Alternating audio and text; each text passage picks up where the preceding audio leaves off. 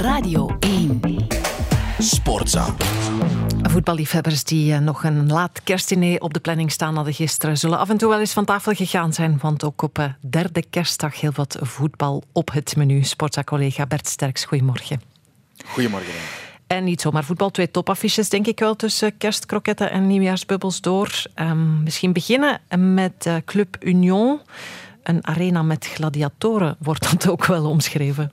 Ja, die, het is een wedstrijd die is verloren gegaan in uh, weken die symbool zouden moeten staan voor vreedzaamheid. Je hebt gelijk, het was het uh, betere loopgravenwerk. De tweede helft was uh, zelfs niet om aan te zien in een luid Jan Breidelstadion dat zich heel uitdrukkelijk tegen de manier van voetballen keerde. Van zijn tegenstrever, anti-voetbal klonk het. Het doel heiligde de middelen bij Union en dat middel was vooral Christian Burgess. Hoe harder je op hem roept, hoe meer hij wordt uitgescholden, ja. hoe meer hij er lijkt van te genieten. Een man met drie gezichten, zachtaardig en sociaal geëngageerd naast het veld. Op het veld heeft hij langs de ene kant het imago van de beenharde, nooit opgevende verdediger.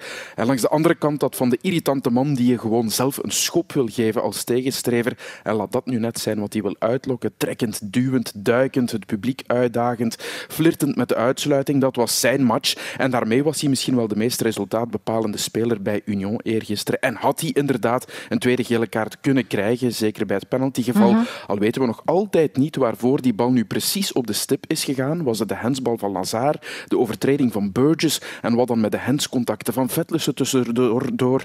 Er doen verschillende veronderstellingen de ronde. Uh -huh. Dat zijn dingen die ze in mijn ogen beter meteen moeten communiceren ja. naar spelers en trainers. Nu is er twee dagen onduidelijkheid, wordt er uh, van alles opgeworpen voor de officiële uitlegger komt en dat is uh, aan de lange kant. Maar samengevat, het is zeker niet het mooiste punt dat Union al pakte, maar niet vergeten dat de Brusselaars vaak wel het spektakel hebben verzorgd en het voetbal kleur hebben gegeven. Dus de laatste keer dit jaar, het laatste hoedje dat ik nog heb gevonden in de winkelwekken. Chapeau. Niet voor het gelijkspel van eergisteren, maar wel voor het hele kalenderjaar. Ja, want dat is toch wel één uh, waar je met uh, ontzag naar kijkt, denk ik. Die Zeker. andere topper dan. Genk-Antwerp. Laten we ook maar zeggen dat daar met een vergrootglas gekeken werd naar uh, de arbitrageblunder van een paar dagen eerder.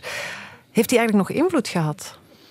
Oh, ik zou je zeggen ja, want er was uiteraard heel veel druk op de refs in die match. Die extra nervositeit die voelde je wel, maar meer nog omdat de frustratie van die wedstrijd van een paar dagen eerder op Anderlecht de ploeg van Wouter Franke niet had afgeleid. Integendeel, Genk heeft die als brandstof, als zuurstof tegelijkertijd ja. gebruikt. Het was een geweldige prestatie van Genk. Ze voetbalden meteen zonder enig voorbehoud. Vos. Als de Limburgers in hun dag zijn, kennen ze hun gelijken niet. Met mooie aanvalsacties, met een vertekende rechterflank nogthans, die eh, de sterkste is van Genk. De schorsingen van Peenzel en Munoz zijn meteen ook mooi werk, weggewerkt in die overwinning. Uh -huh. uh, tegen Antwerpen, dat zoals Van Bommel zei, zijn slechtste match speelde in anderhalf jaar. Daar was er echt sprake van eindejaarsmoeheid. De vraag bij Genk is nu of ze het net niet-verhaal van 2023 eindelijk van ja. zich kunnen afschudden na een nieuwjaar. Net geen kampioen. Europa was een verhaal van drie keer net niet. Ook in veel wedstrijden was het net niet en werden in het slot nog punten weggegeven. Als net niet nu een keer net wel zou kunnen worden, ziet de tweede seizoenshelft er mooi uit. In een top 6, waarin nu de sterkste zes zijn, de, de grote zes zoals je wil, met ook Antwerp, Gent, Club Brugge en Anderlecht, uh -huh. dat dan gisteren won en snel zijn monden moet likken na vier blessures in één match. Dat is toch redelijk ongezien. Maar trainer Riemer zei achteraf dat Anderlecht alleen maar naar boven kijkt na nieuwjaar, naar Union, dat op zes punten staat. De ambitie is dus duidelijk in het uh, Lottopark. En wij gaan ook nog even naar beneden kijken op het einde van het kalenderjaar. Want welke lijnen tekenen zich daar af? Stilaan dan toch in dat klassement?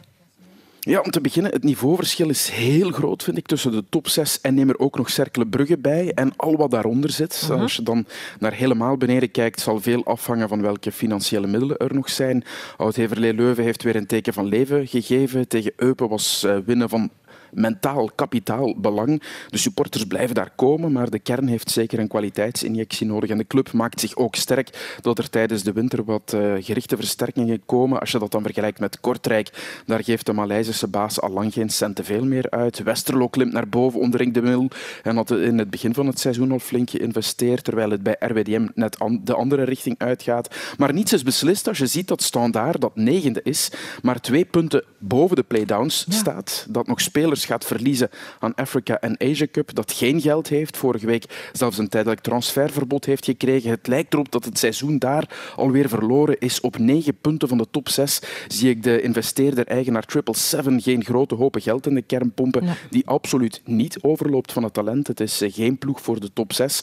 Alleen zal Karel Hoefkes natuurlijk geëvalueerd worden op de cijfers. En die zijn 23 op 60 niet goed. Dat heeft hij zelf ook al aangegeven.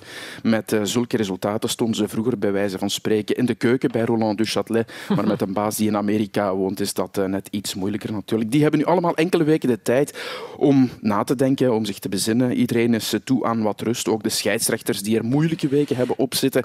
Gisteren weer een buitenspellijn hebben getrokken in meer dan vijf minuten. Ze hebben fouten gemaakt die niet zouden mogen gebeuren. Sommige daarvan ook al toegegeven en andere zullen nog uh, volgen. Maar ze hebben evenzeer als jij en ik en iedereen leen, denk ik, recht op een rustig en fijn eindejaar. Zoals bijvoorbeeld Jan Boterberg, die in een storm is terechtgekomen ja. naar Anderlecht-Genk.